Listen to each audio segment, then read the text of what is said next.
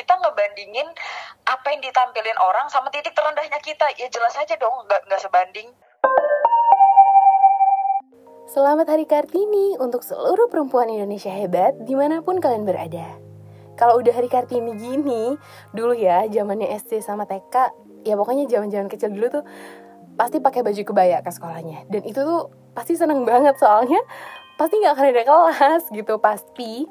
Ini udah pasti banget yang namanya Hari Kartini serunya udah pakai kebaya, terus pawai deh tuh keliling sekitar sekolah ya. Atau paling ada lomba-lomba dia lomba nyanyi, lomba baca puisi. Pokoknya kalau udah hari Kartini pakai kebaya, pawai, lomba nyanyi itu seru banget, banget, banget seru banget. Raden Ajeng Kartini yang lahir pada 21 April 141 tahun silam yang dikenal sebagai tokoh emansipasi wanita. Dan kita pasti udah nggak asing lagi ya teman-teman kalau mendengar kalimat habis gelap terbitlah terang. Nah ternyata kalimat ini tuh memiliki makna bahwa setiap manusia akan mengalami masa-masa sulit, tetapi juga akan merasakan masa-masa membahagiakan. Oke, jadi Habis Gelap Terbitlah Terang ini adalah judul buku dari kumpulan-kumpulan surat yang ditulis langsung oleh Kartini untuk teman-temannya yang berada di Eropa. Nah, kumpulan-kumpulan tersebutlah yang ternyata menjadi bukti bahwa besarnya keinginan Kartini untuk melepaskan wanita-wanita pribumi pada saat itu dari diskriminasi. Beliau ingin wanita memiliki kebebasan dalam menuntut ilmu dan belajar. Kartini tumbuh menjadi sosok wanita yang meyakini bahwa pendidikan itu penting, apalagi untuk kaum wanita pribumi yang pada masa itu dianggap tidak perlu mendapatkan pendidikan yang tinggi. Nah, gimana sih emansipasi wanita di era milenial ini? Apakah kita masih harus memperjuangkan hak kita sebagai wanita untuk bisa berkarir, berpendidikan tinggi, atau malah sekarang wanita sudah bebas memilih mau menjadi apa dan bisa meraih pendidikan setinggi-tingginya? Nah, aku tuh beruntung banget ya Di episode kali ini tentunya aku bakal ditemenin sama salah satu sosok wanita yang menurutku juga cukup menginspirasi nih Dia um, teman dekatku waktu kuliah Dan ya sekarang sedang melanjutkan pendidikan juga. Pokoknya bakalan seru banget. Kita langsung aja ngobrol sama siapa nih? Biar langsung dikenalin sendiri ya. halo Halo, ada siapa nih yang bakal nemenin aku hari ini? apa kabar Kabar baik. Gimana nih? Hari ini bakal ngobrol-ngobrol seru nih. Aku bakal ditemenin sama siapa sih? Halo semuanya kenalin gue Caca gue gue aja ya ngomongnya ya kebiasaan Gak apa-apa, gak apa-apa. Pokoknya kita santai sini ngobrolin yang seru-seru deh. Caca lagi sibuk apa nih sekarang?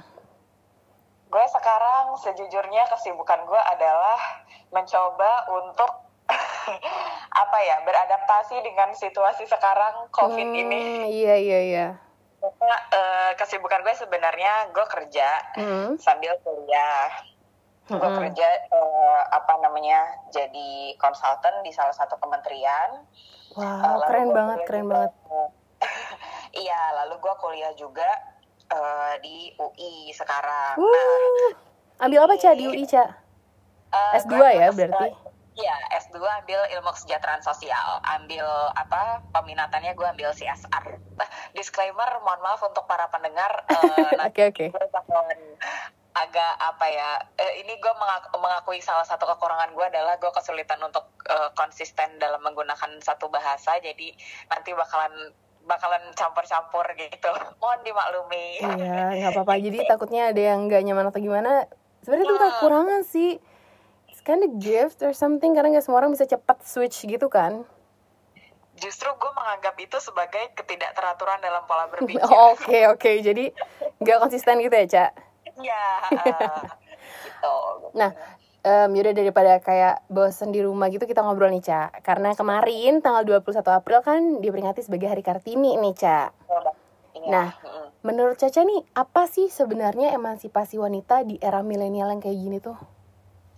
emansipasi wanita di era milenial. Eh, gue akan memberikan contoh yang simpel-simpel aja ya di sini. Maksudnya biar enak aja lah dengernya nggak terlalu serius banget. Jadi eh, bicara tentang emansipasi, menurut gue hal utama yang perlu untuk dilakukan oleh kaum perempuan adalah kita harus bisa membuktikan diri kita memang layak untuk berkontribusi. Mhm. Kenapa gitu? Karena kita bicara emansipasi, eh, emansipasi wanita kita ada tuntutan hak dong pastinya.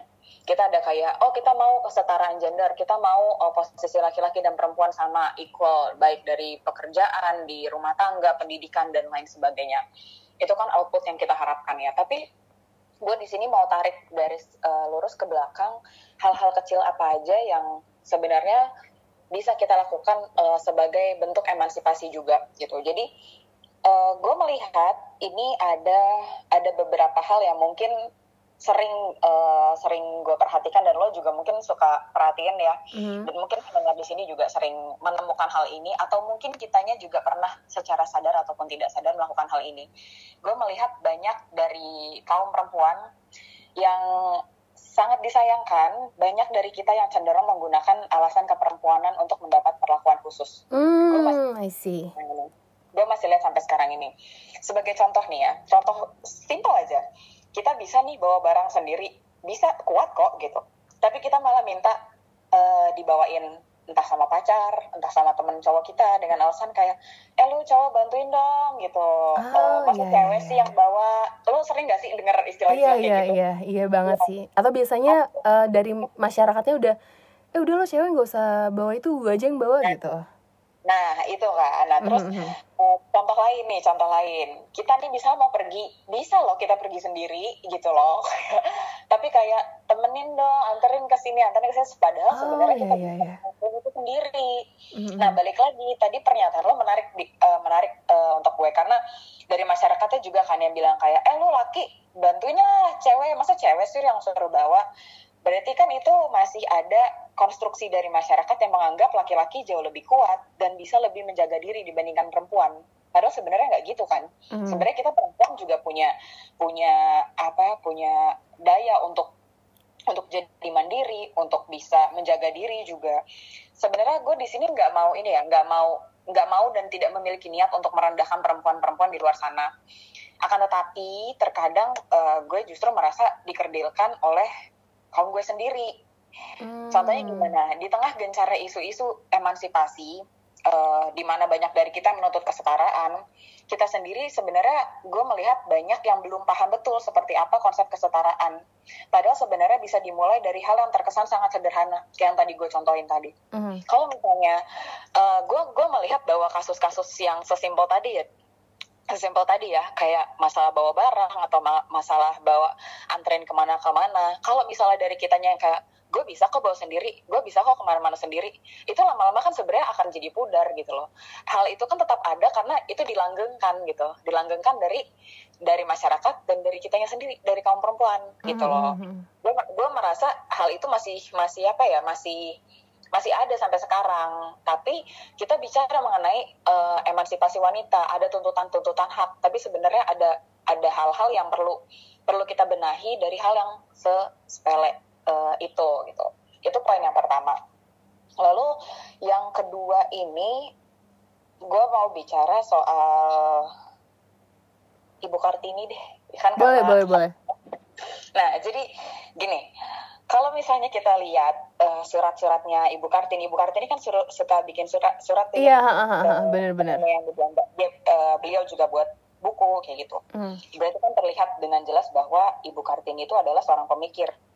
Beliau hmm. berani membuat keputusan meskipun tidak sepenuhnya be uh, beliau bebas gitu loh kondisi kondisinya. Kondisi pada saat itu kan memang budayanya mengekang sekali ya, sangat patriarki. Hmm tapi dia memiliki uh, dia seorang pemikir dan dia berani membuat keputusan gitu loh nah di sini gue uh, gue uh, yang gue lihat masih relevan sampai sekarang adalah perjuangan gerakan perempuan adalah goalsnya itu agar perempuan bisa membuat keputusan dengan bebas apa pun pilihan mereka hmm. gitu nah perjuangan Kartini ini sebenarnya nggak hanya soal gender, keperempuanan dan nasionalisme, tetapi juga intelektual, pendidikan di sini gue anggapnya. Hmm. Kartini menganggap bahwa perempuan perlu mengembangkan intelektual, intelektualitas mereka dan perempuan mesti belajar dan terdidik. Makanya Kartini itu kan buat ini ya, buat sekolah kan untuk perempuan karena Iya, yayasan ya. Yayasan sekolah sih. Hmm. Iya, apa? Yayasan atau sekolah ya. Pokoknya pernah ada gitu iya. kan ya.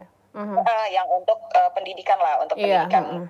kaum perempuan karena pada saat itu kaum perempuan tidak bisa mengakses pendidikan kan. Mm-hmm. Nah, kalau misalnya kita lihat sekarang uh, bicara soal pendidikan, tapi kita nggak boleh tutup mata juga menurut gue. tidak bisa dipungkiri, tidak semua kaum perempuan memiliki privilege dan kita nggak boleh menutup mata, mata akan hal tersebut. Mhm. Gue mau kasih contoh, gue bisa pendidikan, alhamdulillah gue bisa melanjutkan pendidikan sampai sekarang, itu karena gue punya privilege. Gue nggak boleh menutup mata dengan hal-hal yang gue punya dan gue tahu nggak semua hal, nggak semua orang, nggak semua perempuan khususnya punya hal yang sama seperti kita. Benar Kita benar. sekarang ya, lo bisa lanjutin S1, itu nggak semua orang punya kesempatan untuk itu ya Mhm, benar. banyak dari kaum perempuan yang tidak mendapatkan akses pendidikan yang memadai. Mhm. Nah, lantas eh, tentu kita nggak bisa dong membandingkan posisi yang kita sekarang dengan posisi mereka yang un- underprivileged bisa dibilang. Mhm. Lalu tugas perempuan tuh apa sih gitu loh? Eh, di, di tengah-tengah kondisi yang membatasi gerak-gerik mereka, tugasnya tuh apa? Jadi pikirkan kalau dari gue tuh pikirkan apa yang masih bisa dilakukan di dalam kondisi yang penuh dengan keterbatasan tersebut. Mhm. ya dengan itu tadi caranya adalah dengan perlahan-lahan melepaskan konstruksi-konstruksi masyarakat bahwa perempuan berada di bawah laki-laki dengan cara yang sesimpel tadi. Itu bisa Mhm. menurut gue ya hal-hal ya gue nggak nggak langsung ngomong outputnya yang pendidikan langsung jadi menteri perempuan jadi apa apa apa gue nggak langsung ke situ dulu tapi Mhm. ini kayak hal itu yang bisa dilakukan di tengah-tengah kondisi yang apa membatasi gerak-gerik mereka Mhm. satu hal lagi gue mau gue mau kasih ta gue mau sharing sedikit soal kartini sebenarnya kan kita kan pahlawan perempuan tuh banyak ya nggak cuma kartini Iya aja kan ya ada Cutnya Din. iya banyak Hmm, banget banyak Sunati, banget. ada ada Dewi Sartika ada Iya, Siti Dewi Wali, Sartika, ada iya. Fatmawati, dan lain sebagainya banyak banget nah gue mau nanya deh sama lo kenapa kartini tuh namanya masih apa ya ibaratnya sampai dijadikan hari khusus hari Kartini 21 April dan kayak jasanya masih sangat amat terkenang sampai sekarang menurut lo kenapa? Saya yang aku baca ya, kayaknya tuh kalau nggak salah karena Kartini ini memiliki gagasan-gagasan yang dikiranya tuh bisa memajukan negara gitu. Walaupun sebenarnya banyak pahlawan lain juga yang mempertahankan keamanan negara, keamanan kotanya dan segala macam. Tapi karena Kartini memiliki gagasan yang sekiranya di masa depan ini akan masih terus berlanjut gitu dan Kartini mewakili pahlawan-pahlawan perempuan lainnya. Saya yang aku Betul. baca dan saya sih gitu, bener gak sih Cak? Iya iya iya betul betul banget. Jadi eh, ini ini gue tanpa tanpa mengurangi rasa hormat gue terhadap perempuan Benar, perem- benar. apa pahlawan perempuan lainnya Benar, ya. benar, benar. Eh, sangat bisa diakui mereka mereka hebat hebat benar benar punya jasa yang sama kuat dan hebatnya ya cak Betul banget dan kita nggak bisa membanding bandingkan semuanya Hmm, hebat gitu. benar, Kan karena benar. di sini memang kita lagi bahas ya konteks kartini. Eh, tadi benar banget yang lo bilang Kar- Ibu Kartini itu punya gagasan-gagasan yang luar biasa yang memang bisa relevan sampai di masa Mhm. yang akan datang. Tapi gue mau nambahin satu hal. Eh, satu hal yang membedakan Kartini dengan kebanyakan pahlawan perempuan lain adalah dia menyampaikan gagasannya lewat tulisan sehingga gagasannya dia tuh abadi itu hmm bisa dipelajari sampai sekarang. Jadi gini, kalau misalnya mau di apa namanya uh, relate sama kondisi sekarang, kita ketika kita punya suara, ketika kita punya gagasan, kita tuangkan dalam suatu hal yang memang entah itu tulisan atau Mhm. podcast kayak yang lo lakuin sekarang atau YouTube banyak Mhm. banget atau art atau seni apa pun kita mengekspresikan gagasan kita kita mengekspresikan pola pikir kita itu nggak pernah mati walaupun kitanya udah mati gitu loh jadi apa yang kita punya di pikiran tuh seharusnya disalurkan supaya orang-orang lain tuh bisa mengerti juga dan akan Iya. jadi pelajaran buat orang lain ke depannya ya Betul banget. Jadi Kartini nih eh, tulisan-tulisannya abadi sehingga pemikirannya bisa dipelajari oleh orang lain. Hmm, Makanya itu sampai sekarang masih sangat relevan gitu. Jadi gue eh, pesan gue di sini emansipasi di era milenial kita channel udah banyak banget nih untuk menyalurkan gagasan-gagasan kita. Tinggal kitanya harus berani dong untuk menyuarakan suara menyuarakan opini kita, aspirasi Mhm. kita karena bagaimana suara dan eh, suara, opini dan aspirasi tersebut bisa didengar kalau kita tidak berbicara gitu. benar banget Ya gitu. Dan jadi itu pinter-pinter kitanya ya cak untuk bisa Iya. menyalurkan Iya benar banget. Karena what is the point of being alive if it don't make at least one thing remarkable, right? Ooh, that's true, that's true. Take a note, Iya. guys. Take a note. kita kita memang ya katakanlah kita udah meninggal nanti suatu saat tapi Mhm. ketika kita berkarya kita menuangkan pola pikir kita kita menuangkan gagasan kita di situ gagasan kita akan abadi selamanya dan itu akan pemikirannya bisa dipelajari sampai ke generasi selanjutnya. Mhm, mhm. itu sih kalau menurut gue. Jadi eh, di era milenial ini emansipasi bisa disalurkan juga dengan karya. Kalau gue pribadi sekarang gue lagi coba untuk nulis-nulis eh, tapi eh, gue belum ada keberanian untuk share sejujurnya. Gue masih merasa eh, ini worth it nggak ya untuk dibaca orang? But it's worth it guys kalau kalian mau tahu Caca udah sempat ngirim eh, beberapa dan aku juga udah baca langsung aja mention ke Caca minta dia buat ngepost semua tulisan-tulisan dia karena itu bagus banget langsung ya guys diserbu Instagramnya Iya bener, gue harus belajar dari lo nih. Lo berani untuk menyuarakan karya-karya lo lewat podcast. Gue harus belajar terima nih. kasih terima kasih kan sa- saling belajar saling mendukung remember iya, that betul. Girls power. Wuh. nah Cak kalau ngomongin misalnya em, perempuan tuh harus bisa menyuarakan apa yang dia rasa gitu. Perempuan tuh harus eh, mampu untuk eh, sekolah lagi belajar lebih lagi gitu. Tapi nih Hmm. Cak ada nih stigma di masyarakat yang ya masih ada lah yang melekat. Ngapain perempuan sekolah tinggi-tinggi? Nanti juga ujung-ujungnya sumur dapur kasur gitu. Atau biasanya udah capek-capek S1 capek-capek S2 capek-capek eh, bergelar dokter. Terus nanti ada yang bilang tuh kan ngapain capek-capek sekolah? Ujung-ujungnya ngurus anak di rumah aduh gimana tuh Cak?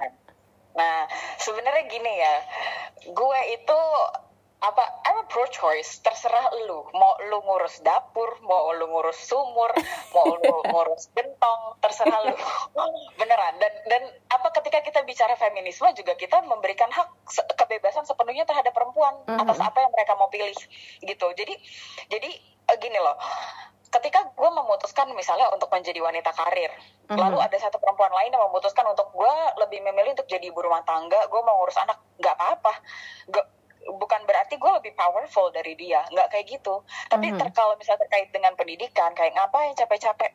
Ingat ini ini juga kata ibu kartini ibu kartini beliau sempat bilang bahwa ibu itu perempuan itu akan menjadi madrasah pertama untuk anak-anaknya. Hmm, benar ya jadi ketika anak kita lahir siapa yang paling mengajarkan paling pertama itu orang tua Mhm. sekarang pertanyaannya gini, katakanlah yang yang ngomong, kalau misalnya yang ngomong itu perempuan, eh, respon dari gue gini, lu mau nanti anak lu diajarin sama orang yang, eh, sorry to say, mungkin dibilang wawasannya kurang luas kayak gitu. Mhm. Tapi kalau laki-laki yang ngomong, lu mau nanti anak lu diasuh sama perempuan yang dia nggak mau membuka wawasannya, nanti anak lu mau diajarin apa? Benar gitu. benar benar Iya, kayak gitu. Karena ya terserah mau lo jadi ibu rumah tangga itu itu bukan suatu pekerjaan yang yang haram enggak. Itu mulia banget jadi ibu rumah tangga Mm-mm. itu susah loh. Banyak banget yang harus dikerjain. Chores itu banyak banget. Jadi ibu rumah tangga itu nggak gampang sama sekali. Tapi kalau misalnya dia mau menuntut pendidikan, menurut gue agak nggak relevan. Kalau misalnya dibilangnya ngapain repot-repot nanti toh ujung-ujungnya ke rumah lagi. Hmm, Toh iya. ujung-ujungnya ngurusin dapur. Ya so what? Terus kenapa? Emang kalau misalnya kerja lu masak doang, lu nggak boleh baca buku, lu nggak boleh nambah wawasan kan nggak kayak gitu. Exactly, iya. Padahal ketika ibunya memiliki wawasan yang luas, ibunya memiliki pendidikan yang cukup tinggi gitu, dia kan mungkin akan bisa mengajarkan anaknya untuk kamu nggak harus kayak gitu nak, kamu kayak gini kayak gini. Yang mama tahu kamu harus kayak gini. So anaknya juga mannernya kan dapat ya cak. Iya, bener banget. Dan itu akan kebentuk banget ke karakter anaknya. Mhm. Karena gue juga dapat stigma gitu pas awal ngambil S2. Oh ya? Kan gue kan gue kan langsung kan gue kan S1 abis itu gue kerja, Kerja setahun bentar langsung ya? gue Ah. S2 kan Mhm, mhm. mulai deh tuh kayak ih ngapain sih cak lo ini ini ini ini mending nikah aja yang kayak Hmm, gitu gitu iya. terus gue kayak ya iya nanti gue akan menikah tapi gue mau ambil S2 dulu emang kenapa sih gitu Ya karena kan eh, pilihan hidup orang beda-beda. Mungkin ada yang jodohnya sekarang langsung menikah ya nggak masalah gitu kan. Ada rezeki dia di situ. betul banget kayak Mm-mm. gak apa-apa kalau lu bisa bertanggung jawab sama pilihan lu Iya nah ini benar. pilihan gue dan gue merasa gue bisa bertanggung jawab di sini kayak gitu Hmm, benar tuh. Berarti buat teman-teman luar sana, buat perempuan-perempuan hebat, kalau kalian milih, oke gue mau S2 dulu, bukan berarti kalian gak bisa jadi ibu rumah tangga ke depannya gitu. Yang penting bertanggung jawab atas pilihan kita sih. betul Keren banget. banget. Nah sebenarnya Gitu. kalau udah ngomongin soal pendidikan kayak gini, arti pendidikan di mata Caca sendiri itu apa sih? sejujurnya gue itu bagi gue penting banget ya karena dari tadi gue seber- sebenarnya mention pendidikan tuh udah berkali-kali Mhm. gitu. gue mention pendidikan berkali-kali pendidikan itu bagi gue nggak cuma sekedar gue duduk di bangku dengerin dosen ngerjain review jurnal review buku nggak cuma sekedar itu menurut gue. Pendidikan itu menurut gue nggak harus kita uh, mengenyam bangku apa institusi pendidikan yang formal kayak di kampus dan lain-lain. Itu menurut gue nggak nggak selamanya harus seperti itu gitu nggak sekaku itu mm-hmm. karena balik lagi ke tadi yang gue bilang uh, bahwa nggak semua orang punya privilege gitu kan mm-hmm. untuk mengenyam bangku pendidikan yang layak itu mm-hmm. kita nggak boleh tutup mata ada beberapa orang yang memang belum bisa gitu kondisinya mm-hmm. karena satu dan lain hal tapi bagi gue pendidikan adalah ketika lu mau belajar aja sih ketika lu bersedia untuk belajar dari siapa pun, mm-hmm. lu mau menambah wawasan lu, ya lu baca buku. Kalau lu nggak suka baca buku, ya lu dengerin lah orang-orang yang menurut lu memiliki wawasan luas, lu belajar dari dia. Nggak cuma sekedar kayak ya udah terpatok harus lo benar-benar kayak harus ke kampus tiap hari, lu harus ini segala macam dengerin dosen doang. Nggak nggak harus kayak gitu. Yang penting ada kemauan untuk belajar. Menurut gue itu sih. Jadi menurut gue penting banget dan itu akan membentuk sangat membentuk pola pikir kita akan berasa ketika lu apa namanya mendekat ini juga penting mendekatkan diri pada orang-orang yang memiliki wawasan luas itu sangat dan memiliki pengalaman yang banyak itu sangat berpengaruh terhadap pola pikir lo. Mm-hmm. Gue merasa gue beruntung gue ngambil gue ngambil ke, kebetulan di kelas gue tiga angkatan gue paling muda. Mm. Nah teman-teman gue tuh udah ya udah udah udah banyak yang berumur lebih tua mm. dari gue gue tuh senang banget uh, berada di lingkungan itu karena gue banyak belajar dari mereka. Bener bener bener. Kadang kita tuh lebih senang bergaul sama yang yeah. lebih mature itu bukan karena apa ya, tapi karena mereka punya pengalaman yang bisa kita serap supaya kita tahu nih ke depannya what to do, stepnya apa gitu ya, supaya nggak salah yeah. ambil.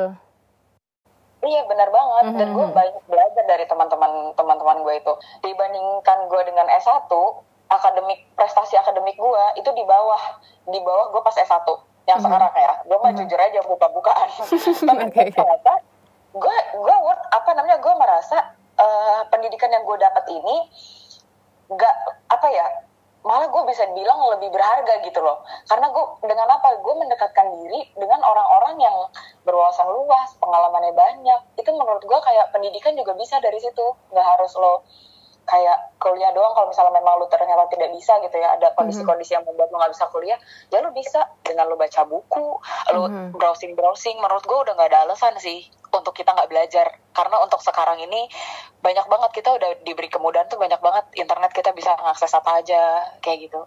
Lu bisa bergaul sama siapa saja lu networking bisa ke siapa aja dari LinkedIn lu bisa ngelihat oh lu kan bisa lihat kan di LinkedIn tuh orang banyak yang uh, hebat-hebat segala macam ya hmm. ya you try to build a connection. Menurut gue itu juga arti dari pendidikan. Sepenting itu sih menurut gue. Berarti kalau misalnya ada teman-teman kita di luar sana yang kurang beruntung uh, mungkin dia harus putus sekolahnya sampai hanya sampai bangku SMA atau SMP abis itu dia harus lanjut kerja karena menghidupi keluarganya. It's not a problem ya cak kalau bilang lo bukan orang iya, berpendidikan. it's not that point yang pendidikan bukan itu gitu. As long as iya. dia bisa tahu manner dan dia yeah. tahu banyak hal betul. Dan lo mau belajar gitu. Poin ya. terpentingnya adalah dia mau belajar. Jangan pernah ngerasa lu udah cukup atas ilmu karena hmm. lu gak pernah cukup atas ilmu gitu. Bener-bener banget bener banget. Oke okay, ngomongin soal pendidikan. Sebenarnya cak how do you find your potential and figure it out? How to bring your dreams? Gimana sih uh, usaha Caca selain dengan lanjut S1, S2 gimana sih Caca tuh pengen mewujudkan mimpi-mimpi Caca tuh gimana? Tapi tanpa bikin orang lain jatuh misalnya. Karena kan ya banyak ya sekarang yang menghalalkan segala cara. Yang penting dia yang paling utama gitu. Nah betul betul. Gue pribadi gue tuh tipenya yang gue orangnya uh, well organized gitu loh. Jadi gue jadi gue tuh selalu nulis apa yang gue mau gue mm -hmm. list. Terus misalnya nih kayak dalam dalam satu hari gue merasa uh, misalnya di kelas gue presentasi gue merasa eh kayaknya gue lumayan nih presentasi hari ini oke. Okay. gue menganggap itu sebagai potensial okay. nah dari situ nanti ini kelihatannya emang ngebosenin sih tapi ini yang gue lakukan gitu loh kayak nanti gue buat mind mappingnya gitu. Jadi kayak oh, sangat terorganisir ya. Sangat sangat sangat ini banget. Tertata sekali hidupnya. Bagus nah, bagus. tapi, perlu dicontoh. iya gue bikin kayak gue bikin mind mappingnya gitu. Orang tuh kalau ngeliat gue dari luar tuh nggak mungkin nggak nyangka gue kayak gini karena gue kelihatannya tahu kan kan kalau dari luar kayak agak ya ya lo tau lah gue kan zaman S1 gimana ya lo tau tapi sebenarnya gue tuh orangnya kayak gitu seenggaknya gue tahu gue mau ngapain gitu tapi tapi tidak bisa dibukiri ya ada kondisi di mana gue nggak tahu gue mau ngapain gue nggak tahu potensi gue apa gue nggak tahu gue bisanya ngapain ada banget kan Hmm, orang iya, karena gitu. biasanya ada orang di titik itu, Ca. Terus dia biasanya malah nyerah dan udah give up sama keadaan itu. Iya, nah kalau gue, gue gue sempet sih ada di posisi kayak gitu. Kayaknya Mhm. tahun lalu deh gue di posisi kayak gitu. Apa dua tahun lalu dari dua tahun lalu ya? kayak ini gue baru-baru sembuh lagi gitu. Gue baru Oh, baru sembuh. Oke, oke, Iya. oke. Mm-mm. Itu gue kayak Middle life crisis ya, Ca. Iya. like others. Mau dibilang quarter life crisis, bahkan kayak umur Belum sampai ya. 20. Iya, makanya. kayak gitu gue merasa kayak ya udah gue mencoba untuk memetakan apa yang menjadi potensi gue Mhm. tapi ketika gue nggak tahu gue mau ngapain I try to be mindful. Gue mencoba untuk kayak ya udah cak memang pada saat ini lo nggak tahu nanti juga lo akan tahu sendiri. Itu sulit untuk orang-orang yang gue tuh tipe yang kayak gue harus tahu mau ngapain. Kalau misalnya plan A nggak nggak nggak bisa gue harus punya plan B sampai Z gitu loh. Gue tipe yang kayak gitu. Oh, oke. nah untuk mencoba mindful dan untuk mencoba ya udahlah Ca nggak semua hal tuh bisa lo atur itu susah banget. Untuk Mhm. orang seperti gue gue eh, at least untuk gue ya gue ngerasa seperti itu. Kayak gitu. Dan alhamdulillahnya sekarang gue udah menemukan nih gue kayak oh gue tahu potensi gue di mana dan gue apa merasa bahwa eh kayaknya gue cocoknya jadi ini deh walaupun sejujurnya ya gue pada detik ini gue belum tahu dengan persis apa yang mau apa yang mau gue lakukan setelah lulus Oh, gitu loh. oke. Tapi yang jelas, tapi yang jelas gue merasa kayak oh gue cocok di bidang kerjaan yang seperti ini, seperti ini, seperti ini. Untuk Hmm. spesifiknya di mana gue belum tahu kalau sekarang kayak gitu. Dan untuk masalah ke orang lain, gue biasanya I keep it silence. Gue nggak terlalu banyak membicarakan. Mhm, mhm. Nggak mengumbar Eh, sebelum tersampai Iya. gitu ya, Ca. Gue biasanya ya gue diem diem aja kecuali ditanya. Kalau ditanya gue pasti jawab. Lu mau ngapain? Gue kayak gini gini gini gini. Nah terkait dengan kayak ada beberapa orang yang menghalalkan ber- eh, berbagai cara gitu ya. Mhm. Yang penting gue maju. Gue bisa dikatakan gue orangnya ambisi. Tapi kalau misalnya udah mengorbankan kenyamanan orang lain itu hal yang sangat gue hindari. Karena gue takut Oke. apa? Takut kualat sih gue. Jawabannya bagus takut kualat. Ingat teman-teman, kualat itu masih Kualat, ada sejujurnya. gitu ya. kayak gitu. Gue sejujurnya gue takut gue takut disumpahin orang aja sih. Ah. Gila ini podcast nggak faedah banget ya. Gini beneran faedah banget. Tapi bener loh, takut kualat itu bener-bener. Itu kesadaran diri yang terdalam loh, Cak sebenarnya. Iya. Gue kayak ngerasa ya udahlah Ca, lu tuh nggak ngapa-ngapain aja itu kadang suka bikin orang kesel, apalagi lu ada niatan untuk buruk ke orang gitu loh.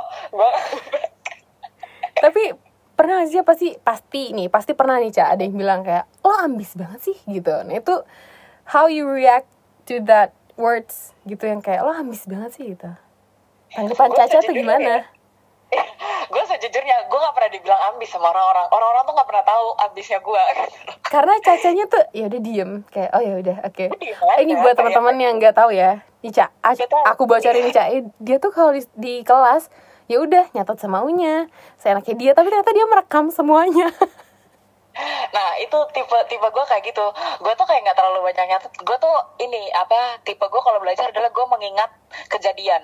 Hmm. Jadi ketika gue ujian, gue tuh bacanya dikit doang. Tapi ntar pas gue lagi di kelas, gue tuh mengingat kejadian pas dia lagi ngajar. Hmm. Suasana kelasnya kayak gimana, gue itu yang gue ingat gitu. Jadi kalau orang sejujurnya, orang tuh nggak pernah ngeliat gue habis. Orang tuh justru ngeliat, tapi orang ngeliat gue orangnya strong will sih. Kayak bedanya apa ya? Pokoknya intinya gini, gue tuh nggak yang kayak gue harus ini gue harus ini gue harus ini. Gue diem aja kalau kayak gitu. Dalam hati doang gue sebenarnya kayak gitu. Oh jadi kayak bak- Mm-mm. cuma Misalnya, Caca diri Caca dan Tuhan yang tahu kayak mau ini mau Iya. itu gitu. Ya gue diem aja gue diem aja. Terus nanti gue kayak di depan orang gue kayak sosok effortless gitu. Kayak gue soalnya karena gue gini gue tuh tipe orang yang misalnya nih gue punya temen eh, temen yang pernah jadi tamu di podcast ini yang ambis kebetulan mohon maaf buat buat yang disebut ya. Untuk yang merasa. Dia kebetulan tuh Iya, iya, iya. stres tamu di cuy. podcast sebelumnya terlihat jelas ambis dan mengakui ya iya dia mengakui. Kalau gue gue enggak. Gue sebenarnya gue enggak. Ta- tapi gue memang punya keinginan yang kuat tapi gue nggak Hmm. nunjukin. Jadi karena apa? Gue tuh kadang merasa gue kadang suka merasa terintimidasi sama orang-orang macam itu. Gue merasa kayak Oh. "Duh, dia udah ini lagi. Gue belum ngapa-ngapain. Padahal sebenarnya gue udah making a progress tapi gue nggak Nggak merasa nunjukin itu. cukup. iya gue nggak merasa Iya, cukup. Iya, gue oke, kayak oke. ya udah kayak gitu udah gue jadi kayak hidup gue mencoba untuk nyantai tapi tapi gue orangnya memang strong will jadi misalnya nih contoh pas gue mau ambil S2 gue kan tadinya nggak mau masuk UI ya Mhm. Aduh, teman-teman, coba didengar dia nggak mau masuk UI tapi dia masuk UI. Coba gimana? Yuk dengerin. gue mau masuk UI tau gak alasannya karena apa Kenapa sih? Gue gak mau tes gue gak mau tes gue males ngisi ujian. Oh gue gue bosen banget gitu loh. Ini dari sini tercermin kan gue gak ada habis-habisnya jadi orang. Terus Enggak, nah tapi pada satu pada satu waktu tiba-tiba gue pengen ngambil S2 gue pengen di UI dan di situ gue ngomong ke nyokap gue mana kakak mau ambil S2 di UI kalau nggak keterima kakak nggak ambil S2 gue langsung kayak gitu. Nah dari situ gue langsung kayak. Ya terserah kamu aja. Kalau misalnya kamu mau dapet S2 kamu harus ngapain? Belajar. Mulai dari sini kamu bakalan belajar. Ya udah nih gue belajar. Tapi ya belajar gue juga secukupnya banget beneran. Gue tuh nggak yang kayak push to the limit. Gue nggak. Gue tuh tipe yang kalau gue capek gue istirahat gitu loh. Nih, berarti ini teman-teman bisa bedain ya. Kalau misalnya kamu udah dengerin episode sebelumnya, itu yang bener-bener bener-bener ambis, bener-bener apa yang dia mau harus dapat. Kalau ini namanya nawa itunya, ya udah gue mau ke situ. Kalau dapet ya syukur, enggak ya, ya udah gitu. ya gue gue gue tipe yang kayak gitu karena sebenarnya ini untuk menjaga how to keep my sanity gitu loh Oh, oke oke oke Iya, oke. Karena tuh dulu, dulu tuh gue tipenya sebenarnya ambis. Dulu tuh pas SMP, SMA, gue anaknya kayak gue mau, gue SMP tuh eh, kebetulan gue SMP tuh aktifnya di OSN bahasa Inggris. Jadi dulu gue pas SM, eh, SMP itu gue eh, sering lomba speech or debate gitu. Nah Mhm. itu tuh gue kayak gue harus menang, gue harus menang, gue harus yang harus yang kayak gitu kayak gue merasa kayak gue harus membuktikan sesuatu ke orang lain gitu loh. Padahal sebenarnya kalau kayak gitu lo bakal capek sendiri gak sih? Bener bener bener. Karena Iya. mem- pembuktian ke orang tuh nggak akan ada habisnya gitu. Ada lagi, Betul. ada lagi. Di sini iya, di sini gue mencoba untuk untuk memanage memanage ego gue supaya cak yang perlu lu buktiin adalah diri lu sendiri gitu loh. Yang tahu worthy atau enggak itu lu gitu loh.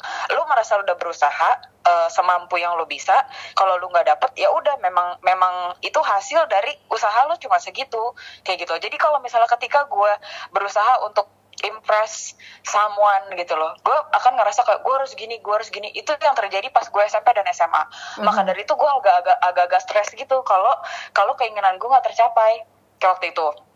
Gue eh, waktu SMA gue taekwondo kan taekwondo. Nah terus gue tuh udah keinginan banget nih gue bakalan dapat medali emas pas kejuaraan. Mhm. terus gue dapetnya perak sebenarnya kan it's not that bad gitu loh Iya, kayak. Cuma beda satu nggak sih perak sama emas tuh? satu. Tapi gue maunya dapat emas. Itu gue kayak gue stres banget kayak ah gue kesel banget gue nggak dapat emas gue kayak nyalahin diri gue sendiri padahal harusnya nggak kayak gitu nah Hmm. ini ini konsep yang gue pelajari ketika gue mulai kuliah S1 makanya kuliah S1 tuh gue mulai nyantai kan gue Hmm. nyantai terserah lu mau lu ngerjain tugas ya udah lu mau ngerjain tugas sekarang kayak terserah lu mau lu belajar di acos nggak apa-apa gitu Aduh siapa itu yang belajar di bus? Aduh. nggak apa-apa terserah lu gitu Iya, oke, karena oke. gue udah kayak ya udah yang gue yakini adalah diri gue sendiri aja udah gitu. Oke oke oke. Tapi em, dengan adanya punya temen yang misalnya ambis segala macam pressure ke Caca, tapi Caca masih bisa limit ya. Tenang tenang. Lo Gua bisa masih- gitu. Iya, gue masih kayak gue menjadikan dia kayak, oke, ini tuh gue jadikan sebagai reminder. Oh. Oke, Ca, dia udah jalan sampai segini, lo mau jalan kapan? Kayak gitu loh. Oh, oke. Sekarang tuh udah udah kayak gitu. Kalau dulu kan gue kan kayak stres ya, kayak aduh dia udah gini lagi, dia udah kayak gini, gini gini. Ini gue jadi kayak semacam tamparan ba- bagi gue bahwa kayak Hmm. oh nih orang udah sampai segini, gue majunya kapan ya? Gue harus atur strategi nih. Bukan untuk mengalahkan orang tersebut ya, perlu digarisbawahi. Bukan untuk Mhm. mengalahkan orang tersebut, tapi lebih untuk apa ya eh kepuasan diri gue sendiri aja sih kayak biar karena gue merasa gue bisa kayak gitu dan itu yang harus gue penuhin bukan orang lain gue gue gak peduli sama Mhm. orang lain mau kayak gimana gitu. Mhm, Berarti Caca tuh lebih ke ya memacut diri sendiri, bukan untuk menjatuhkan orang lain ya, tapi untuk iya diri Caca sendiri gitu. Itu yang harus diingat ya teman-teman. Berarti kalau misalnya punya em, misalnya bukan saingan sih siapa ya namanya tuh? gue lebih senang menyebutnya sebagai partner Hmm, bagus tuh, bagus banget, bagus banget. Iya sebagai gue partner. merasa iya gue semacam merasa gue nggak gue ngerasa gue nggak bersaing sama siapa-siapa. Bersaing sama diri kita sendiri justru kan? gue bersaing sama diri gue sendiri. Bener, bener gue nggak bersaing sama siapa-siapa. Kalau ada temen gue yang dia naik pangkat apa segala macam oh, I'm happy for you. Gue ikut seneng. Apalagi kalau temen gue tahu temen gue itu sangat apa ya sangat eh, berjuang mati-matian berdedikasi untuk mendapatkan apa yang dia mau. Ketika dia dapat apa yang dia mau gue bakalan ikutan seneng banget. Nah dari situ gue akan menjadikan oke cak dia udah bisa mendapatkan apa yang dia mau lo kapan? Lebih ke situ sih. Bukan kayak untuk untuk eh, apa compete dengan orang lain tapi lebih untuk kayak compete with myself kayak gitu. Wow, bagus banget. Ini tamparan banget loh buat eh, aku yang ngedenger dan mungkin teman-teman luar sana bakal kayak menyadari nggak ada yang jadi saingan lo sebenarnya tapi ya diri lo sendiri gitu kan. iya Oke, berarti menjadi perempuan yang cerdas secara pendidikan penting ya, Ca, untuk diimbangi dengan kecerdasan emosional gitu. penting banget penting banget itu sih kayak itu juga hal yang masih sangat gue pelajari sampai sekarang gue merasa Oke. bahwa ini ini gue akan belajar ini terus sampai kapan pun sih Mhm, mhm. I try to be mindful I try to acknowledge my feelings ini agak sulit untuk gue kalau eh, yang dulu kan lu kan sempat sekelas ya Mhm. se- sempat sekelas ya sama gue Iya. Iya lu tau lah, gue kan orangnya kayak berkobar-kobar gitu. Gue Iya. kayak 100% ngegas gitu kan. Iya, literally nobody can touch her kayak no stop no stay there gitu kayak no. Iya. itu tuh gue merasa bahwa kayak aduh cak capek gak sih kayak gitu? Dan gue tuh kayak Hmm. selalu merasa gue maunya ini gue maunya kayak gini gue maunya kayak gini. Sekarang gue tuh mencoba untuk lebih mindful terhadap diri gue sendiri. Mhm. nah itu tuh gue pelajari ketika tamparan terbesar adalah tahun lalu. Tahun lalu adalah tahun di mana gue nggak tahu mau ngapain. Kayak apa sih gue nggak ngerasa diri gue berguna? Apa sih gue nggak ngerasa diri gue hebat dibanding teman-teman gue kayak teman-teman gue hebat hebat banget gue enggak gue kayak kentang kayak gitu gitu doang gitu loh. Banding bandingin Oh itu kan gitu, iya. selalu ada ya selalu Iya. ada. Apalagi kita di di zamannya sekarang itu tuh kita ngelihat sosmed orang kan Iya, sosmed kan iya banget. bagus-bagus doang ya nggak mungkin kan lu yang belangsak belangsaknya ditampilin kan nggak mungkin ya Iya, tapi iya. kita malah ngebandingin kita ngebandingin apa yang ditampilin orang sama titik terendahnya kita ya jelas aja dong nggak nggak sebanding gitu loh Mhm. Uh, uh, kita kita membandingkan pencapaian orang lain sama titik terendahnya kita ya jelas aja nggak sebanding. Nah dari situ tuh gue mulai untuk maintain emosi bahwa oke cak, ketika lo dalam kondisi nggak nyaman lo mending diem deh. Selain untuk selain apa ya menjaga kekhawatiran gue untuk menyakiti perasaan orang lain, gue untuk menjaga emosi gue juga. Karena kalau gue kalau yang gue belajar ya gue misalnya nih kesel terus gue gue diem gue kayak oke breathe lu nafas terus lu mending nggak usah dari nggak usah di kerumunan lu menyendiri aja lu atur nafas. Abis itu gue kan merasa kayaknya gue nggak perlu marah atas hal ini gitu loh. Mhm. itu penting banget manajemen emosi. Gue pernah ada satu ada satu kondisi di mana gue ngerasa tertampar banget. Gue lagi di kelas eh, terus apa namanya biasa diskusi. Diskusinya lumayan alot gitu kan di kelas. Gue merasa gue merasa apa yang gue ketahui pada saat itu benar. Jadi gue ngotot parah anaknya. Oke oke. gue ngotot parah. Terus gue di situ harusnya kalau gue bisa mendengarkan kalau gue bisa lebih mindful untuk dengerin orang lain kalau gue lebih active lis- eh, active listening gue kan lebih dapat banyak ilmu. Tapi karena Hmm. gue nyolot karena gue ngegas gue secara tidak sadar gue blocking ilmu-ilmu yang dia harusnya bisa gue dapetin gitu loh. Mental semua. Dari situ gue kayak gila cak kalau ngegas banget harusnya lu nggak usah ngegas harusnya lu dengerin dulu. Kalau lu dengerin dulu lu paham maksudnya dia lu jadi dapat dua perspektif gitu loh. Oh. itu ngaruh banget loh. Benar itu ngaruh banget karena dari situ gue merasa gila cak manajemen emosi lu jelek. Gue I'm not ashamed to tell you this. Gue gue perempuan gue orang yang banyak kekurangan terutama kayak di bagian manajemen emosi ini dan gue sangat belajar untuk mencoba oh ya udah gue coba harus active listening gue harus mencoba lebih mindful. Ketika gue nggak mendapatkan apa yang gue mau apa yang gue harapkan gue harus sadar bahwa nggak semua hal itu bisa gue kontrol. Karena kalau misalnya gue terus-terusan stres ya ada gue gila sendiri. Masih muda mana masih muda kan kasihan ya orang tua gue Iya benar benar benar. Berarti em, caranya untuk Caca belajar dengan kecerdasan emosi saya tuh ya mencoba tenang gitu. Di setiap keadaan. Caca mencoba tenang untuk apa ya menjaga diri Caca tetap waras gitu di tengah. Ya persaingan kanan kiri apalagi sekarang hidup kayak gini di era sosial media semuanya happy happy nggak mau kalah pamer ini pamer itu. Ya Ya, that's what social media for. Iya iya benar banget. wah gue mencoba untuk lebih mindful karena ya itu gue merasakan gue merasakan efeknya itu adalah Cak, kalau lu nggak dengerin orang lain, lu blocking semua semua ilmu yang harusnya bisa lu dapetin. Mhm. Harusnya lu bisa menyerap ilmu dari orang lain, tapi karena lu blocking, lu mementingkan ego lu, lu jadi ya udah ilmu lu segitu-gitu aja. Lu Mhm. dengerin, lu lu tetap berkutat dengan apa yang lu percaya benar gitu loh. Padahal Hmm. sebenarnya belum tentu kan apa yang kita percaya benar. Kita kan butuh perspektif juga dari orang lain.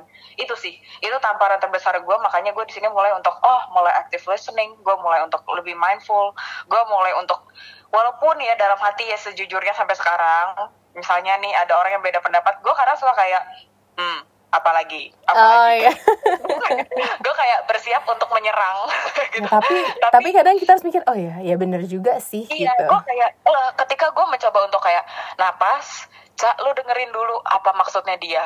Lu nggak usah menganggap lu yang paling pinter, lu yang paling jago, nggak usah nganggap kayak gitu. Buang jauh-jauh pikiran kayak gitu. Kosongkan dulu gelas lu, ya kan? Bilang kosongkan dulu gelas lu biar lu bisa mendapatkan ilmu sebanyak-banyaknya. Udah mulai dari situ gue mikir nggak cak, lu nggak ada apa-apanya. Banyak orang yang jauh lebih pinter berwawasan dibanding lo lo harus dengerin kalau nggak lo bakalan bodoh selamanya itu yang gue tanemin ke diri gue sendiri maka dari situ gue kayak oke gue harus mencoba untuk mendengarkan. Gue nggak mau blocking supaya ilmu-ilmu itu bisa terserap dengan baik dan gue bisa dan itu untuk se- apa yang lebih lebih apa lebih pentingnya lagi adalah itu yang bagus untuk kesehatan mental gue Oke, kesehatan itu sangat penting ya karena sekarang em, katanya mental illness tuh sedang ramai ya, Ca. sedang ramai dan itu sedih banget sih sedih banget. Jadi kayak itu hal ya nggak boleh itu. Apa sih namanya? Istilahnya bentar gue lupa. Eh, self diagnose. eh, ya self self diagnose Mhm. nggak boleh kita self diagnose dan di sini gue mencoba untuk tidak seperti itu. Dan gue mencoba untuk kayak Caca waras ya. Nggak boleh kamu mencak-mencak Tuh, stay positive guys, stay positive. Walaupun tidak bisa dipungkiri ketika ada energi negatif, nah ini juga ini juga menurut gue hal yang penting untuk diketahui. Ketika ada energi negatif muncul, itu perasaan yang normal. That's what makes you human. Ketika lu sedih, ketika lu marah, you feel it. Lu lu akui bahwa lu sedih, lu akui bahwa lu marah. Karena kita nggak bisa jadi positive selamanya tuh nggak bisa. Kita Iya. kita merasakan berbagai emosi, and that's what makes us a human. That's what makes us different. Kita punya perasaan, dan itu perasaannya macam-macam. Emosi negatif, positif, Nah itu yang kita harus sadari. Kadang tuh orang terlalu, kadang orang terlalu apa ya? Terlalu positif pek- bisa gak sih, Ca? Jadi kan Iya. ada positive, Jadi toxic toxic positivity. Iya, right. Iya, iya, iya. Toxic positivity. Mhm. Gue merasa bahwa kayak enggak loh, nggak apa-apa loh kita sedih. Gue gue sekarang gue orangnya sebenarnya gampang marah kayak gue orangnya agak emosional gitu. Mhm. Jadi ketika gue marah, gue biasanya tarik napas, terus gue bilang sama teman terdekat gue, tapi bilangnya tanpa ngegas, mencoba untuk tanpa ngegas. Oke. Kayak, gue marah deh, gue kesel Oh, deh sama oke. situasi kayak gini, gue gak nyaman deh.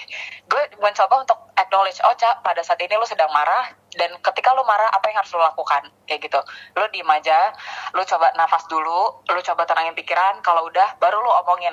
Lu omongin ke orang yang bikin lu kesel, apa yang buat lu kesel, kayak gitu. Dan itu jalan ketemunya akan lebih lebih menyenangkan dan lebih bisa ketemu titik temu gitu dibandingkan ketika gue mencak-mencak langsung karena orang juga pasti ikutan emosi kan kayak Mhm. gitu jangan kita juga nggak perlu denial lah ketika kita punya energi negatif because that's very normal menurut gue namanya juga manusia punya perasaan tuh bermacam-macam nggak harus positif terus gitu Bener-bener.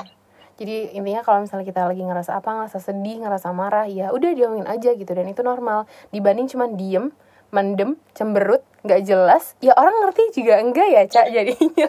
betul banget betul banget Oke, kalau misalnya em, ngomongin pendidikan, ngomongin Caca gimana cara menghandle emosi dan segala macam, sebenarnya Ca, siapa sih Hah? perempuan yang menginspirasi Caca untuk terus belajar, untuk terus menjadi gue harus lebih baik lagi? Gitu. Siapa sih yang menginspirasi Caca? Mbak Nana Najwa Sihab Oke, kayaknya everybody's crush nggak sih iya sih. everybody's crush She's very classy, she's very elegant. uh -uh. gue melihat sosok mbak Nana tuh yang powerful gitu loh gue Hmm. gue bisa melihat she's very passionate dan dia bisa apa ya bisa apa dengan tegas dengan lantang menyuarakan menyuarakan suaranya Hmm. menyuarakan aspirasinya itu sesuatu yang gue melihatnya itu keren banget gitu loh dan Hmm. gue ketika gue melihat banana gue langsung merasa kayak Ca, belajar terus belajar terus walaupun gue tahu gue nggak bisa kayak banana seenggaknya mendekati coba gitu biasanya jadi versi terbaiknya Caca gitu dengan Iya, melihat ya, tapi sosok jadi kayak "Mm-mm." Mhm. versi terbaiknya gue tapi gue memang idol gue banana sih. Najwa karena Shihab ya? sebenarnya iya Najwa Mbak Najwa Shihab karena siapa yang nggak suka sama dia? Iya. kayaknya hampir semua orang yang suka sama dia walaupun ada aja mungkin yang nggak suka. Tapi she's very inspiring for me. Gue kadang kalau gue lagi demot gue ngeliat Mbak Najwa sama Maudi Ayunda Oh iya mau dia aku suka banget Cak sama Audia Indah kayak kayaknya dia kayak dia sangat menenangkan gitu dan dia pinter banget. She's everything. Iya Maudi Ayunda tuh udah cantik iya Pinter udah, iya. aduh, pembawaannya tenang Iya. pembawaannya kalem otaknya nggak usah ditanya lagi Iya, kayaknya orang nggak akan nggak ada yang marah deh sama dia. Dia tuh kayaknya mau marah juga orang kayak aduh nggak jadi gitu. Iya, kayaknya orang nggak ada di julitin dia. Iya kayaknya nggak ada deh. Kayaknya dia juga nggak pernah cemberut deh kayaknya. Berarti sosok yang cukup menginspirasi Caca ya Najwa Shihab sama Maudy Ayunda. Kayaknya Maudy Ayunda menjadi sosok yang menginspirasi semua orang sih. Najwa Iya, Shihab, benar Maudy banget. Ayunda. Iya ya benar-benar. Kalau misalnya Caca sendiri, how do you keep your support system? It's not easy to keep your support system tetap di jalan yang kita mau sih kadang-kadang. Iya, itu itu agak sulit sih. Menjaga orang lain supaya dia tetap mau sama kita, itu kan sebenarnya kan udah bukan bicara tentang diri kita sendiri ya, tapi bicara tentang orang lain kan. Bagaimana orang lain bisa nyaman di dekat kita supaya dia tetap bisa mau jadi support system kita, kayak gitu kan. Mhm. Nah, biasanya gue lakukan adalah ini hal simpel sih, tapi gue selalu eh, mengu- mengupayakan untuk bertanya eh, pada orang terdekat gue kayak how's your day gitu. Terus gue Hmm. selalu selalu selalu mencoba untuk kayak you can tell me about anything gitu. If you need a shoulder to lean on, just reach me out. Hal-hal sesimpel itu gitu Mhm. hal sesimpel gue memang gue memang nggak pandai dalam apa ya mengutarakan afeksi gue lewat verbal lewat mulut gitu omongan tapi biasanya gue kayak random aja gue teks gitu ya gitu malam-malam dia udah tidur ntar gue teks kayak eh, I love you atau apa segala macam dan itu gue Mhm. ke, ke sahabat-sahabat cewek gue juga kayak gitu Mhm. Oh ya harus dicatat Kayak, bahwa support system it's not always boyfriend Iya. girlfriend gitu ya cak bisa sahabat bisa Iya, keluarga. bener. Iya Mhm. bener bisa keluarga bisa bisa sahabat gue kayak Mhm. gitu gue merasa bahwa kayaknya makin ke sini kita pasti circle-nya makin kecil dong nggak bisa dipungkiri ya bener banget. People comes and go. Jadi gue kayak berusaha untuk ya udah yang gue punya nih yang emang cuma segelintir doang yang cuma bisa dihitung pakai satu tangan. Gitu. Mhm. itu dijaga sebaik mungkin gitu loh. Mhm. walaupun gue juga tidak menutup mata pasti akan ada saat-saat di mana mungkin gue buat mereka kesel. Tapi ya itu tadi gue harus berlapang dada ketika ketika mereka marah sama gue ketika gue buat mereka kesel. Gue harus mau untuk mendengarkan mereka dan mengakui kesalahan gue itu itu yang menurut gue bikin orang tuh jadi apa namanya jadi mau teruslah jadi support system kita. Dan yang perlu diketahui lagi adalah ketika lu minta maaf lu berupaya untuk tidak mengulangi. Jangan cuma lewat mulut aja kayak gitu. Jadi dalam hubungan juga itu ya insya Allah seperti ya Iya, benar. benar-benar. Berarti seperti setiap hubungan ya take and give kita- ya cak. gitu. Iya, dan kayak apa ya? Dan dikomunikasikan dengan baik aja sih. Ini gue ke sahabat ke semuanya ya, gue nggak nggak Mhm. ngomong apa namanya relationship uh, as a boyfriend girlfriend, nggak. Tapi kayak ke sahabat juga. Lu kenapa lu kesel sama gue? Gue ada salah apa? Ngomong aja, semuanya diomongin. Karena ya susah lah untuk menjaga orang, karena kan kita nggak bisa nurutin egonya kita ya. Kita berusaha semampu mungkin untuk mereka membuat mereka nyaman dengan keberadaan kita kayak gitu. Iya balik lagi jangan cuma diem kayak gitu ya ngomong apa pun dikomunikasikan hubungan dengan siapa pun Iya. baiknya dikomunikasikan maunya apa Baik, kayak gimana betul banget. gitu. Nah kalau ngomongin support system sebenarnya nih ya cak pandanganku kan biasanya kalau perempuan cerdas itu pengennya pasangan yang cerdas juga or at least nyambung gitu ngomongnya yang bisa imbangin pikiran kita atau bahkan ya kalau bisa lebih gitu kan. Nah Hmm. biasanya apa sih yang Caca lihat awalnya dari laki-laki gitu? Gimana gimana? Gue pertama deh yang pertama ini menarik ini menarik. Gue ketika gue melihat laki-laki hal pertama yang gue lihat adalah bagaimana dia how how he treated the girl. Itu yang pertama kali gue lihat. Hmm. kalau dia udah mulai jokes jokes seksis dia mulai Oh, iya, melanggengkan iya. rape culture nggak catcalling mau Mhm, lu mhm. seganteng siapa lu sebut yang paling ganteng Siapa? papa Hmm. Korea seganteng siapa lah Justin Bieber semuanya lu sebut yang Mhm. ganteng ganteng gue udah langsung kayak "Mm-mm, no oke Nah kebetulan kayak I'm I'm I'm so lucky like my current boyfriend now is like 100% feminist. Oke itu nyambung sejalan sepikiran ya gue. Ca Iya, Dan dia kayak dan ini langsung kayak oh my god uh, like I'm so lucky to have him gitu. Mhm. Dan apa kecerdasan itu penting juga. Kecerdasan gak cuma kecerdasan secara wawasan tapi kecerdasan emosi juga itu Mhm, penting bener karena gue nggak mau punya menghabiskan hidup gue bersama orang yang tidak cerdas secara emosi Mhm. kayak suka mukul-mukul suka apa namanya abusive lah intinya nggak mau atau kayak misalnya gitu. ada salah dia teriak-teriak di tempat umum gitu ya Ca betul betul betul banget. Dan harus nyambung diajak ngobrol karena biar bagaimanapun gue juga mau belajar dari pasangan gue bener gitu loh. bener bener bener. Gue iya, gue mau belajar dari siapa pun terutama orang terdekat gue kan pasangan gue dan apa ya em, sama yang paling penting yang paling gue lihat adalah eh, eh, bagaimana ketika dia salah dia mau minta maaf atau enggak itu yang gue lihat. oh iya iya Karena- iya. karena menurut gue it's very crucial for me. Gue eh, gue tuh paling menghindari orang-orang yang nggak mau mengakui kesalahannya. Gue gue menghindari hal tersebut. Karena gue merasa bahwa diri gue adalah orang yang bisa dibilang sekarang saat ini gue merasa gue udah penuh toleransi gitu ke orang-orang. Jadi kayak lu mau gimana oke lu jujur sama gue gue akan menghargai kejujuran kayak gitu tapi Iya. kalau misalnya dia nggak mau mengakui kesalahannya padahal gue udah terbuka itu eh, it's it's a big no no for me kayak gitu gue nggak mengharuskan kayak sekarang misalnya gue lagi S2 gue nggak Hmm. mengharuskan kayak pasangan gue sama-sama S2 enggak yang penting lu ada kemauan untuk belajar lu ada mau ada kemauan untuk mendengarkan jadi kita belajar bareng gitu loh Mhm. kayak let's be passionate together gitu kalau gue Mhm. pribadi dan gue nggak harus kayak kalau kalau misalnya nih gue punya pasangan misalnya katakanlah eh, lulusan SMA tapi kalau Mhm. misalnya dia apa maksudnya kayak ya mau mendengarkan dia mau belajar gue nggak apa-apa gue akan nggak apa-apa banget gue nggak ngelihatnya tuh level pendidikannya tuh gue nggak ngeliat ke situnya tapi Mhm. bagaimana karakternya dia itu loh karakter karakternya ya tuh- ya karakter tuh penting banget ya Ca belajar nggak? Kayak gitu. Mhm. Mm. Karakter karena dan gue attitude. nggak mau betul karena gue nggak mau ini hal-hal yang ini banyak juga nih. Di lo ngomongin kayak banyak gak sih lo dengar kayak laki-laki gengsi kalau perempuannya? Lebih pintar lebih dari dia. iya iya iya iya banget iya banget. Sering sering sering.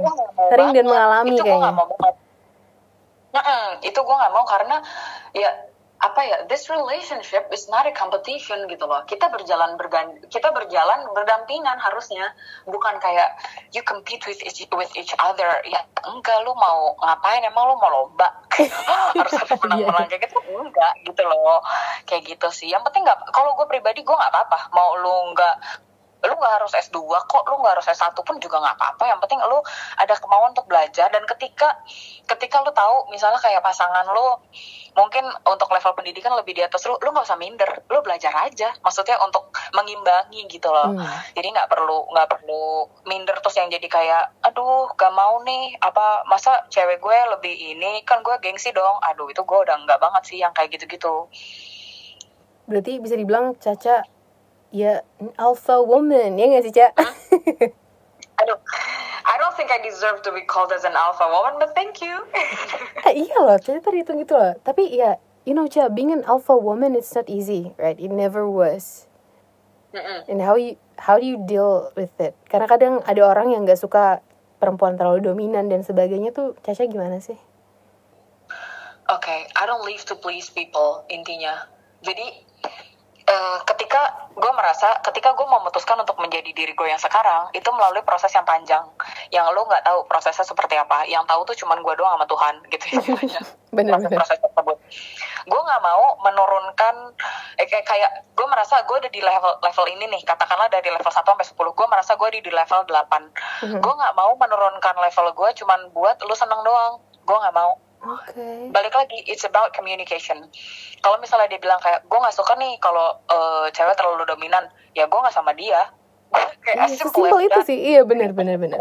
gue nggak sama dia kayak ketika misalnya katakanlah nggak nggak harus pasangan ya Eh, lingkungan pertemanan deh Mhm. bisa dibilang kayak aduh lu terlalu ini nih ya gue cari pertemanan yang sefrekuensi kayak gitu aja Mhm. maksudnya karena kar- karena akan sulit gue gue merasa bahwa eh, ya mungkin ini ego gue juga ya eh, merasa bahwa kayak ya gue udah udah capek capek ibaratnya kayak lu udah capek capek lari udah satu kilometer masa ya lu suruh mundur lagi cuma biar orang itu senang kan nggak nggak dong Nggak lucu dong.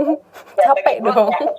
kalau bagi lu itu lucu ya terserah lu gitu. tapi bagi gue itu enggak gitu kayak gitu nah gue nggak mau jadi kayak gue mengakalinya adalah dengan gue mencari lingkungan yang sefrekuensi Mhm. Eh, dan itu bisa kita tahu tuh dari ya komunikasi gitu loh terutama ke pasangan kayak gitu juga Mhm. gitu jadi gue nggak mau gue udah capek-capek I try to achieve something ket- ketika gue udah dapet gue harus nurunin cuma biar orang lain seneng gue nggak mau itu itu namanya gue nggak sayang sama diri gue sendiri Ah, Kayak gitu. self love comes first always. Iya, mm-mm. tadi kan gue udah sempet bilang kalau bicara emansipasi kita juga harus bisa membuktikan diri kita bahwa kita mampu untuk berkontribusi. Lah ini kita mencoba untuk mampu, kita mencoba untuk memantaskan diri, tapi kenapa harus ngikutin kemauan orang lain yang sebenarnya mungkin kalau nggak ada dia juga nggak apa-apa gitu loh. Hmm, bener banget, bener banget. Jadi nggak usah dihiraukan apa kata orang. Yang penting selama kita ngerasa kita nolong orang, kita berguna, kita bermanfaat, nggak ada salahnya gitu untuk maju. Dan ingat tanpa menjatuhkan orang lain, bener nggak cak? Nah, bener banget, bener banget. Kalau misalnya memang dia, kalau misalnya orang tersebut tidak sefrekuensi sama kita, ya nggak apa-apa. Lu bukan berarti ninggalin itu, bukan berarti lu musuhin ya. Ya Mhm. biarkan dia berkembang dengan caranya sendiri. Mhm. Tapi jangan singgung-singgung cara gue gitu. Ketika lu butuh bantuan, I will help you, of course gitu. Tapi jangan mengintervensi apa yang sudah gue dapatkan, ya, gue dapatkan cuman untuk memuaskan ego lu itu yang gue nggak mau kayak gitu sih. Wow, jawabannya bener-bener menyentuh hati dan pikiran ya. kayak di hmm, kayak diajak mikir bareng nih. Tahu nggak sih Cak kita udah ngobrol asik selama hampir satu jam. Nggak Wah, kerasa iya. ya, parah-parah. Karena seru banget nih pembahasannya. Udah lama gak ngobrol juga, jadi Parah, kayak langsung parah. Oke, Cak. em, coba dari Caca, mau dong, Cak, dikasih empowerment message to all women out there. Hmm, to all women out there, gue cuma berharap bahwa kalian jangan jangan capek-capeknya untuk memantaskan diri kalian, karena kalian ini adalah uh, creatures yang berharga, sama seperti laki-laki, sama seperti ya semuanya kita semua di sini berharga. Gue cuma berharap kalian nggak membatasi diri kalian. Jangan terlalu apa ya kayak you don't live to please people. Nggak usah terlalu mikirin kata orang. Kalau memang perkataan orang tersebut berpotensi untuk uh, brings you down. Aduh maaf ya kecampur kan. Nggak tahu nih Gak bahasa. Indonesianya apa. Yang paling penting adalah uh, kalian jangan capek-capek untuk nggak nggak perlu membatasi diri kalian untuk mendapatkan wawasan seluas-luasnya. Uh, jaga jaga apa kecerdasan emosi itu penting untuk dijaga. Mhm. komunikasinya diperbaiki untuk diri sendiri komunikasi ke diri sendiri dan komunikasi ke orang lain juga. Sukses terus untuk para perempuan-perempuan hebat di luar sana. Saya yakin ini langsung langsung langsung formal. Saya yakin banget kalian bisa mendapatkan apa yang kalian mau I support you, let's support each other, let's grow and glow together. Gitu sih. Yeah. kalau dari gue. Terima kasih Caca atas em, pesannya yang sangat membangun. Nggak serius-serius ini sangat berapi-api ya. Iya, sangat bersemangat, bagus kan di hari Kartini walaupun udah lewat nggak apa. Ini akan terus abadi. Iya, benar. Terima kasih ya Caca udah meluangkan waktunya buat ngobrol di tengah-tengah WFH yang ada kelas online dan segala macam dan kerjaan. Betul. Makasih ya Caca udah ngobrol dan mampir ke podcast ini. Sama-sama. Terima kasih juga udah diundang. Oke, sampai ngobrol di kapan ya? Harus ngobrol lagi sih kayaknya sama Caca. Sampai ngobrol lagi di kesempatan selanjutnya kali ya, Ca. Oke, karena kita tidak bisa menjanjikan ya. Bener, karena kesibukannya Caca sangat luar biasa. Serius nggak bohong? Karena kebanyakan rebahan gitu, karena covid. You've reached the end of another episode of Frequentia. Thank you so much for listening. Stay hydrated and positive. Until next episode, bye!